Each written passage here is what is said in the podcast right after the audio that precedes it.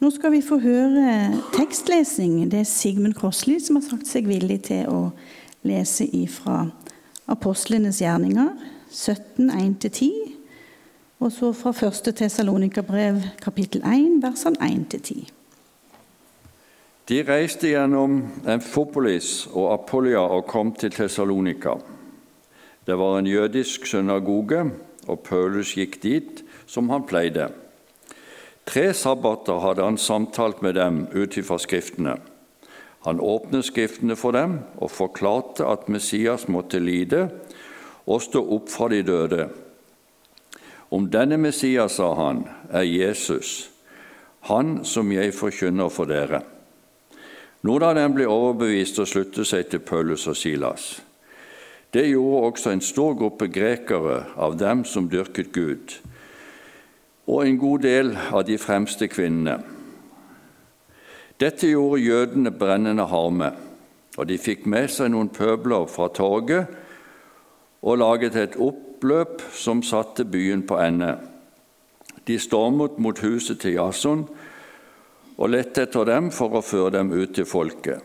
Da de ikke fant dem, så slepte de Jason og noen av brødrene med seg til byens embetsmenn og ropte:" Disse folkene som oppvigler hele verden, nå er de kommet hit også. Og Jason har tatt imot dem. Alle handler de stikk imot keiserens befaling, for de påstår at en annen er konge, nemlig Jesus. Både folkemengden og byens embetsmenn ble oppskremt da de hørte dette. Og Jason og de andre fikk ikke gå før de stilte en stor pengesum til sikkerhet.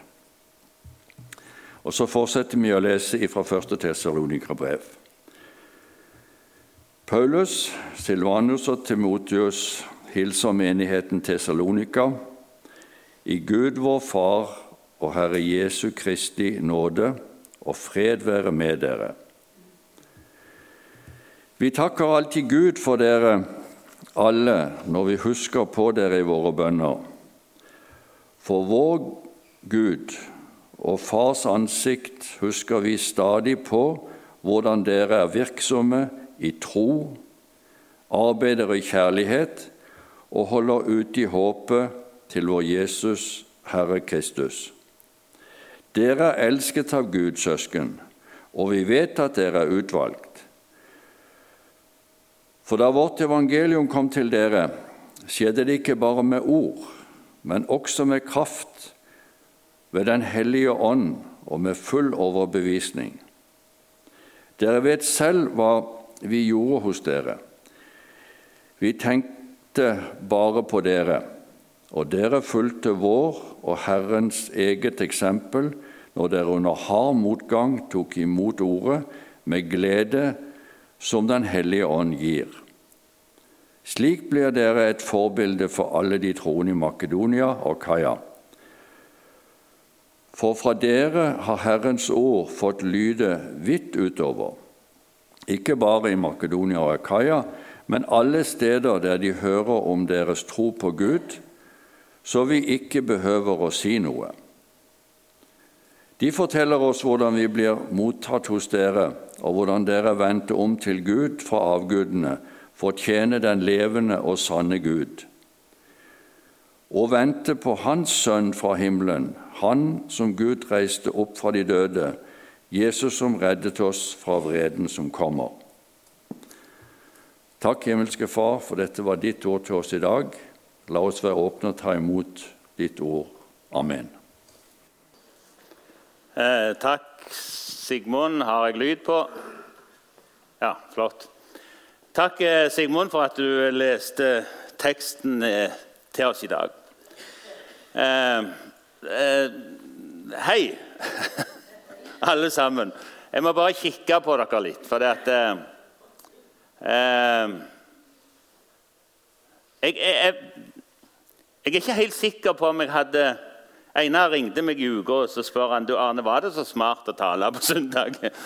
Eh, så tenkte jeg det var gjerne ikke så smart å si ja til det. Det har vært litt travelt, som dere vet, så går det litt i andre ting for tida. Men så tenkte jeg det er jo, jeg kommer jo hjem til mine egne. Eh, jeg hadde ikke tørt å reise til eh, liksom vært annonsert i en menighet til noen andre, kanskje, og så, og så stilt meg fram sånn. Men, men vi, vi, er jo er vi ikke hjemme. Mm. Hos oss sjøl. Eh, og Det skaper en godhet og en trygghet. Og så har jeg lyst til å snakke litt om det i dag. for det at, eh, Når du skal eh, gå gjennom Tessalonikerbrevet, og, og det har jo med forandring å gjøre så har jo Toril, meg og Toril har ikke snakket sammen på forhånd. Jeg sa til Toril når jeg kom, men jeg, jeg er så takknemlig for at du ikke har ringt meg og spurt om noen ting. For det, jeg, jeg har nok å tenke på. på en måte. Så jeg ikke trengte jeg si hva sanger jeg ønska, og hvordan jeg ville opplegge. alt sånt. Noe sånt. Så kunne jeg gjerne ha snakket med deg litt før, for hun leser jo fra Jesaja 43. Og Da sa hun at vi skal se på det som veller fram. Vi skal ikke snu oss og se bak igjen. Var det ikke det du leste? Ja, ikke sant? Vi skal ikke se på det, se bak. Og så skal jeg ta dere med i en liten reise tilbake i dag allikevel. For jeg tror det at Når vi skal gå gjennom Tessalonika-brevet og så se på disse tingene her, så må vi vite litt om bakgrunnen. Og vi må relatere det til oss sjøl, hva vi er. Og så, så, blir det litt sånn. Så sånn blir det. Kjære himmelske Far, vi takker deg for at vi får lov å være i ditt hus og dele ditt ord i sammen. Og vite at ditt ord det vender ikke tomt tilbake igjen. Men det utfører det du sender det til å gjøre. Det gir noe til den som, som trenger noe. Og det ber vi om i ditt navn. At du er her med din Hellige Ånd, i din kraft, med ditt ord og med din nærhet. Og så møter du oss her vi er. Priser deg for hver eneste en som er her. Takker deg for de som er på tur, som òg er en del av vår menighet. Fantastisk. For en gjeng. For en plass. For en by å bo i, for en menighet å gå i, og for en far å ha som deg. Ja. Amen. Eh, Tessalonika-brevet er jo et av de som Paulus har skrevet. Litt bakgrunnsbilde er jo egentlig Dette er interessant, syns jeg. For dette, eh, i, min, eh, i, min, tid eh, litt sånn, som yngre så så levde jeg litt i disse her evangeliene. Jeg var veldig fascinert over Paulus. Og jeg var utrolig fascinert over Timotus, som det blir sagt i begynnelsen. Eh, Paulus, Silvanus, eller Silas som han ble kalt, og så Timotus, eh, som, som hilser på en måte menigheten i Filippi. Eh, Timotus var en sånn type som jeg, jeg digga. Han var, det står om han at rett før de kommer til Tessaloniki, så er de i en by som heter Filippi. Og Der tar Paulus, seg, har Paulus tatt med seg unge Timotus. Timotus bor i en liten by som heter Lydia. Han, eh, han har en mor og en bestemor som har blitt kristne når Paulus var der og talte første gangen. Når Paulus kommer til samme byen andre gang, så ser han også unge Timotus, som har en gresk far. Det vil si Han er ikke jøde, han er ikke omskåren, han er ikke vokst opp i dette her vanlige jødiske livet, men han er en sekulær type. Men han har blitt en kristen, han er ung, og Så tar Paulus han med seg og så reiser han videre mot Filippi og mot Tessaloniki. Eh, Timotus var en sånn en type som eh, tegnes et bilde av som en litt sånn forsiktig mann. Som var ung. Jeg ble så fascinert over han, for dette. Når Paulus skriver brev til, til Timotus, så sier han det når han sitter i Efesus. La ingen, la ingen forakte deg fordi du er ung. Men vær du et forbilde for andre. Og Så ble Timotus sett til en sånn en, eh, pastor i menigheten i Efesus av Paulus. Og Da tenkte alle at eh, Paulus var en god pastor. Han var liksom eh, han, han, han, han, klarte seg godt. Det var jo Paulus, tross alt. Og Så reiser Paulus videre og sender han en ung jypling som Timotus. Og så var det litt sånn motstand. Hvordan kan du sende en ungdom til å styre denne viktige menigheten? Men Paul sier til han, 'Min sønn, la ingen forakte deg fordi du er ung.' Ta med det. De reiser rundt, de, og, og, og, vi skal snakke om forandring. og de, de, reiser jo rundt. De kommer til Filippi.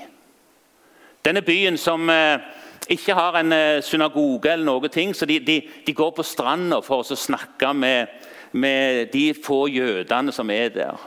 Og På stranda begynner de å samtale med noen, og det er spesielt de damer som, eh, som, som, de begynner å samtale med. Og så, og, så, og så, blir det en omvendelse blant folk.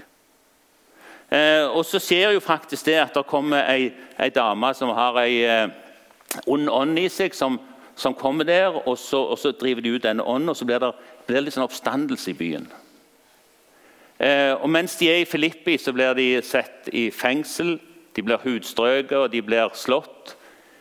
Og Det er Filippi denne fantastiske tingen skjer, at de sitter i fengsel rundt midnatt. I et mørkt fangehull. Og så står det i min bibel, helt enkelt jeg, jeg, Det står at med midnatt så begynte de å be og holde lovsanger. Og Det kunne jeg talt om en, en, en, en, tale, bare den der teksten der. For tenk i det fengselet, som er så mørkt og trist og kaldt og alt. Der sitter det to typer som var blitt slått og skamslått, og som er hunget fast i noen blokker som ble heist opp langs veggen. Og så I den gufset og i det eh, mørket som er i det fengselet, så begynner det plutselig å lyde en lovsang. Kjærligheten seirer, kanskje, overvinner alt. Kjærligheten Kan dere den? Håper, og den tåler alt. Ondskapen må vike, hatet smelte ned. Jeg vil velge livet, jeg vil velge kjærlighet. Det var jo ikke den sangen de sang, for Arnold Børud var jo ikke funnet opp da. Men et eller annet sånt nok gjør de, og så ser det utrolig at det kommer et vanvittig jordskjelv. Og så Alle lenkene bryter jo løs. Og Fangevokteren han fyker jo opp og tror at alle vil stikke av nå.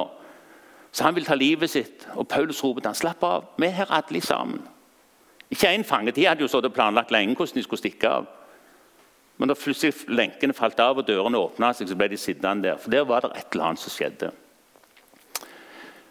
I Filippi skjedde det en stor vekkelse. Men de må videre, for de ble jo jagt ut av byen. Og Det er nå de begynner å komme inn mot eh, Tessaloniki. De reiser som, som Sigmund eh, leste gjennom Amfipolis, var det det det heter? Apollonia, to små byer. Og så kommer de til Tessaloniki. En stor by, en verdensby, en friby som driver med mye handel. Der er det en synagoge. Eh, de går inn i den synagogen, og Bibelen sier at de er tre, sikkert tre helger da, og kanskje litt lenger, og underviser om Bibelens ord. Og Så blir det en, en vekkelse der i Tessaloniki. Og så, så, skjer jo det samme der òg, som har skjedd så alle andre plasser. At det blir en sinnssyk forandring. Og de må reise videre. Paulus stikker til Berøa og videre til Aten. Men en menighet er starta. En menighet eh, eh, som, som, har livets rett.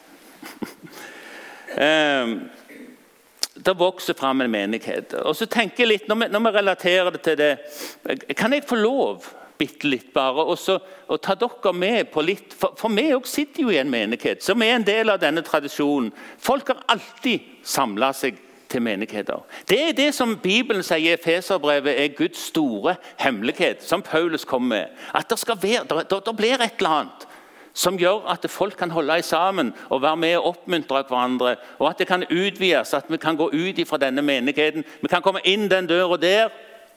Vi kan få noe for livet vårt. Vi kan gå ut fra den døra der, og så kan vi gå ut til en verden. Og så kan vi være med og bringe videre det som vi har hørt. Det er menighetens store hemmelighet. At vi er en del av den. Og, og Menigheter popper jo opp overalt. Det er menigheter med fem, det er menigheter med to. Det er kanskje til og med menigheter som er, hvor det er bare én. Og Vi snakker om megakirker i USA på gjerne 20 000, 30 000, jeg vet ikke sikkert enda mer enn det òg. Fins overalt. Og det er gøy å komme inn i en by. Og så, jeg, jeg, liker jo det når vi er rundt og reiser og ser etter menigheter. Nå, Senest i sommer var vi en tur i Danmark. og da eh, kom inn i en liten by som heter Hobo. Det var et menighetshus. Det så fint ut, velholdt ut. Og Så ble meg og Reiden stående og kikke litt på gavlen på huset, og der sto det eh, Uten krone Nei, hvordan var det sto? Uten, uten korset, ingen krone. Uten korset, ingen krone. Det er dette her vi holder på å leve i, folket, som har søsken over hele verden. Og vi er en del av denne verdensvide, store kirka. Vi er en del av et store Guds under. Når vi er her og sitter samla som menighet, så står vi på noen sine skuldre. Det er noen som har gått foran oss, det er noen som har bana veien. Eh, la meg fortelle bitte litt om det. For det at eh, På rundt 1850 så slo det inn en ny bølge over Norge. Mange av dere kjenner jo historien. Metodismen kom til Norge. Det var litt spesielt med metodismen, for det at eh, den hadde noe ekstra med seg som, som kanskje den eh, vanlige kirkelighet og de vanlige kristne etter haugianerne og sånn hadde glemt. Eh, og det var dette her at det var spesielt en biskop i, i, rundt i Sarpsborg, Fredrikstad, som sa det til, til en metodist, en nyomvendt metodist, at du, du har helt feil. For at Biskopen sier det. Jeg legger meg om kvelden som en synder, og jeg står opp om morgenen som en synder. Og metodisten sier nei. Du er frelst, du er fri. Du skal få lov å glede deg over at du er fri og frelst. Det er nåde her. Og det er en tilgivelse. Det er et liv å få som er, som er helt annerledes enn akk, stønn og be. Og så var det den gleden de bringte med seg inn. Eh, og Den vinden kom jo her til Flekkefjord òg. Eh, I begynnelsen så var det faktisk eh, noen på Hidra. og har, Det er fire personer jeg vil bare skal følge bitte litt. Det kom inn noen fiskere til Hidra. De hadde et lite møte i 1870 cirka, på Krogedalen bedehus, som fins fortsatt der ute. Der var det en som heter O.P. Pettersen, som kom. Han var fra Fredrikstad, vært i Amerika. Og så kom han og så, og så prediker han et evangelie som er helt fantastisk, som folk blir betatt av. Og så Ut ifra det så startes det en eh, søndagsskole, som metodistene var veldig tidlige med. Og videre så, så skjer det noe at det blir stifta en menighet. Det huset som eh, Menigheten ble stifta i 1881. Det, jeg vet ikke om det står til salgs på nettet nå, men det har nettopp stått til salgs. Der var de noen få sjeler som møttes på Våge på Hidra i 1881. Og så danna de Flekkefjord og Hidra metodistkirke. Reinhard Olsen, som var en av de, som en av de personene jeg skal fortelle litt om, han, han, han, skulle egentlig vært på det møtet. Han var ikke på det møtet, for han så på sida av sin første kone, og hun døde den kvelden. Så de var ikke så veldig mange som starta menigheten i det lille bygget der. Så ble de litt flere, og sånt noe, og de eh, hadde møtene sine på Hidra, de hadde møtene her inne i byen. Det var møter i Kjerkestred, det bygget står fortsatt ennå. Det er Reinhard Olsen som eide det. Vi prøvde faktisk å kjøpe det for noen år siden, men budet vårt var for lågt. Der hadde de menighet. De lekte litt nede i Kjerkegata, de lekte noen offentlige bygg. Og så kom 1891. Da ville de bygge seg et hus. Eh, de fikk jo ikke lov av kommunen å bygge. De fikk ikke kjøpe tomt av kommunen, for de var jo dissentermenighet. var jo ikke statskirke. Egentlig skulle det ligget på Trellebakken. Det huset som brant, det avholdslokalet der. I 1901 så fikk de lov å bygge. Og jeg har tenkt mange ganger på det når jeg sitter her og er glad i menigheten min. og tenker på dette her, så tenker Jeg jeg sitter faktisk i det samme bygget det som ble bygd av de som gikk foran oss, de som vi står på skuldrene av i 1901, som var denne salen dere sitter i. Så har det blitt utvidet litt der, litt nedover under krigen og etter krigen der og litt der. Det er ikke helt det samme bygget, men vi er her fortsatt. Og I alle disse år fra den tida der så har det hver søndag vært en gudstjeneste. Utenom i koronatida, kanskje. Hver morgen klokka 11 på søndagen og gjerne på ettermiddagsmøter òg, så har folk samles i denne kirka. Paulus sier til menigheten i Filippi jeg takker alltid Gud for dere. Eller i Tessaloniki. Jeg takker Gud når jeg tenker på dere. Når jeg tenker på den tro dere har hatt. Når jeg tenker på det håp dere har hatt. Og Vi kom og forkynte evangeliet med kraft om Hellig ånd. Og det fant grobånd, og det vokste. Og Så kan vi relatere det til vår menighet òg. Det som de, våre forfedre, det som Reinhard Olsen, det som eh, Sven Olias Våge, som var en ungkar fra Hidra Jeg var ute på torsdag og så om jeg fant grava hans. Jeg leita litt lenge, jeg fant ikke. Det som Jens Henrik Tønnesen, eller det som Kristian Solberg var med på lenge før siste århundreskifte, og starta her Tenk at det har betydd Tenk hvor flott det er når, når menigheter blir starta, og det lever bare fram gjennom. Vi ser gjerne smått på det, ikke sant? men over alle disse år så har folk gått inn og ut. Så har små unger blitt båret fram til dåp. De har vokst opp. De har konfirmert seg. De har kommet inn som et vakkert brudepar. Så går det noen år, så kommer de inn igjen i en prosesjon. Da er det noen som skal døpes. Og Så har det kommet inn andre prosesjoner hvor det er noen som har blitt forfremma til herligheten. Alle disse år. Og så sitter vi her i en sånn dyp takknemlighet for at en eller annen fant på det smarte og danna en menighet.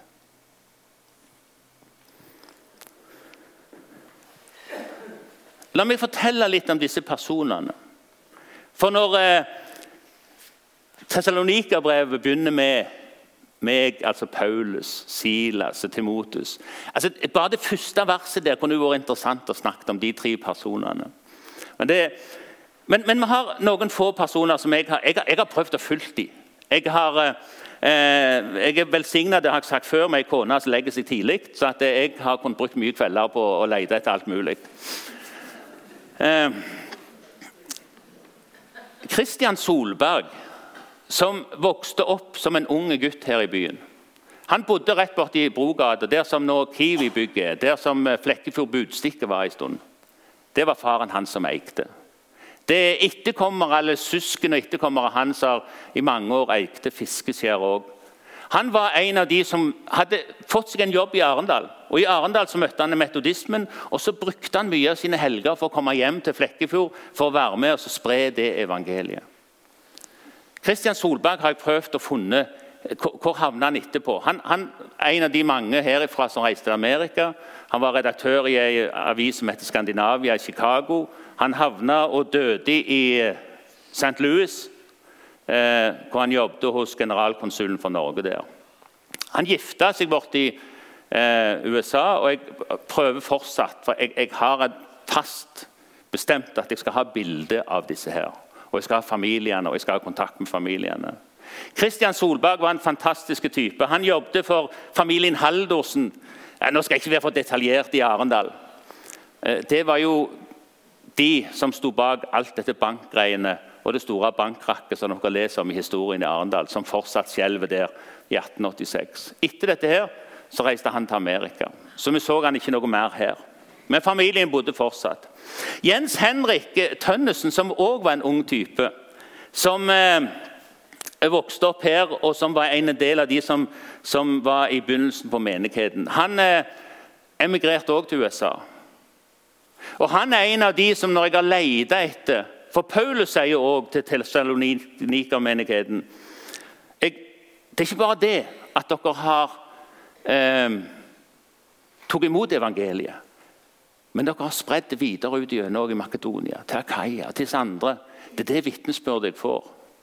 Og Når jeg ser på vår menighet og prøver å finne alle disse folk, jeg har gitt opp det. Men det er utrolig mange som har gått sine barns bein her, og som har vokst opp her. og Så har de flytta ut fra byen, og så har de blitt I Amerika er det fullt av pastorfamilier som kommer herifra. Men òg andre plasser. I Norge òg.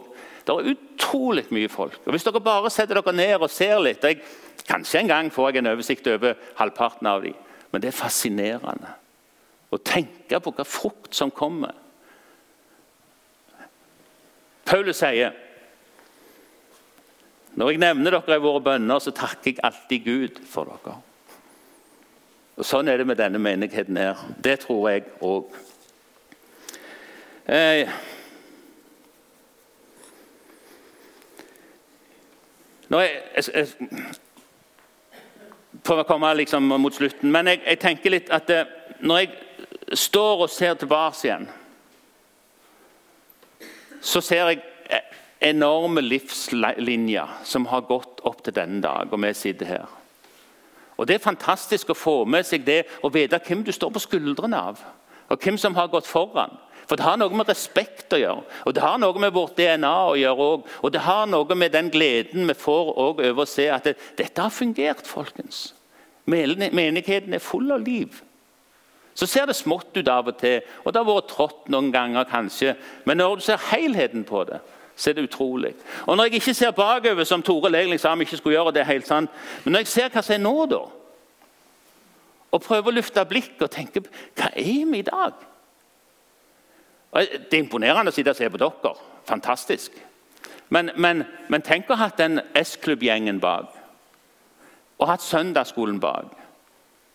Og hva skjedde ikke i våre hjerter når vi så det oppe på Fjellparken og ser på 20 konfirmanter, hvor to av dem har litt sånn tilknytning til menigheten?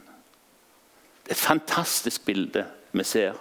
Så vi må gjøre alt, alt, alt vi kan for å så Guds ord i disse hjertene.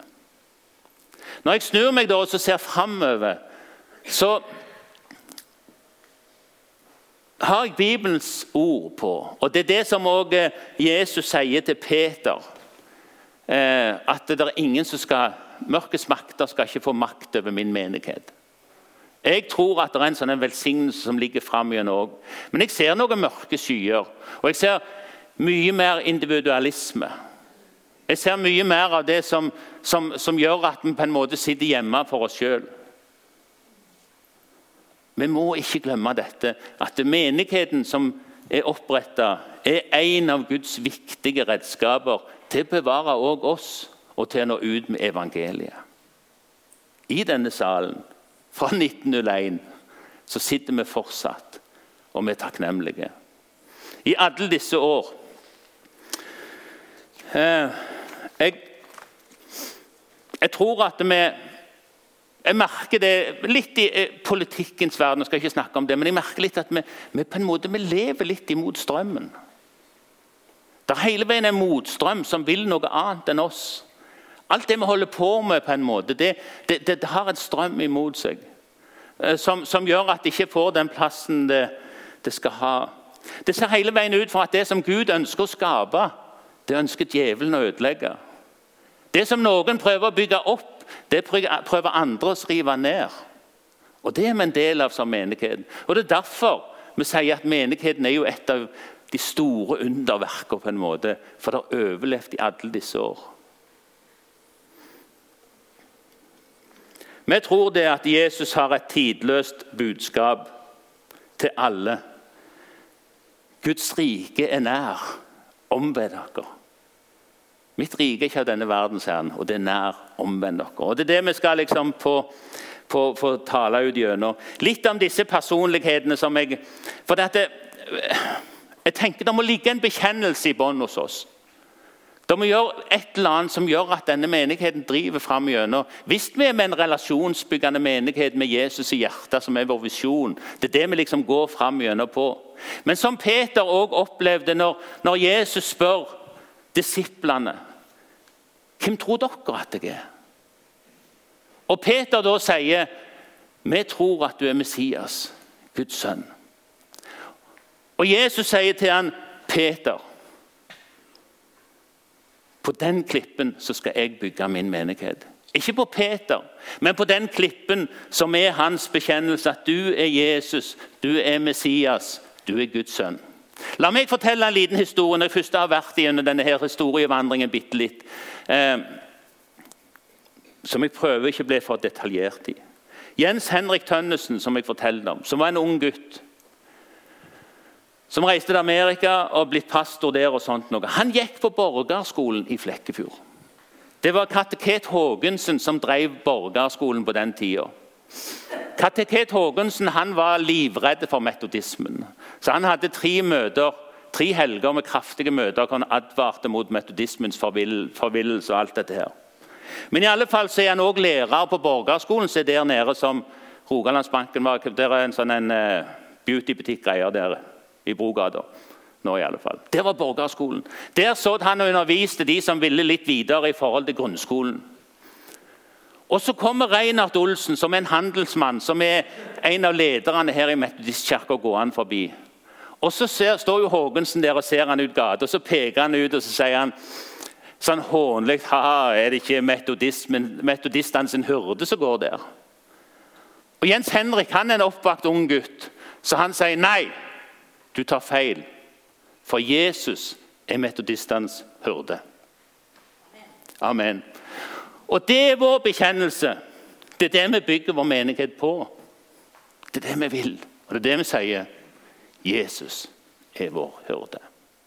Alt annet som vi holder på med. Alle strategiplaner, alt det vi holder på å gjøre fancy på bygget, alt det vi får et bedre lydanlegg, bedre ditt og bedre datt, det, det kan gjøre noe bitte litt. Men det er det som ligger i bånn, at Jesus er vår hyrde.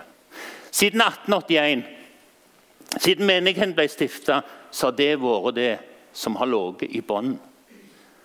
Og når jeg ser framover, så ser jeg det er det som ligger i bånn. Så blir det liv. Og så blir det noe for neste generasjon. Så blir det noe for oss alle. Og da tror vi det at det som blir sådd, det som blir vanna, det kommer Gud og gir vekst i.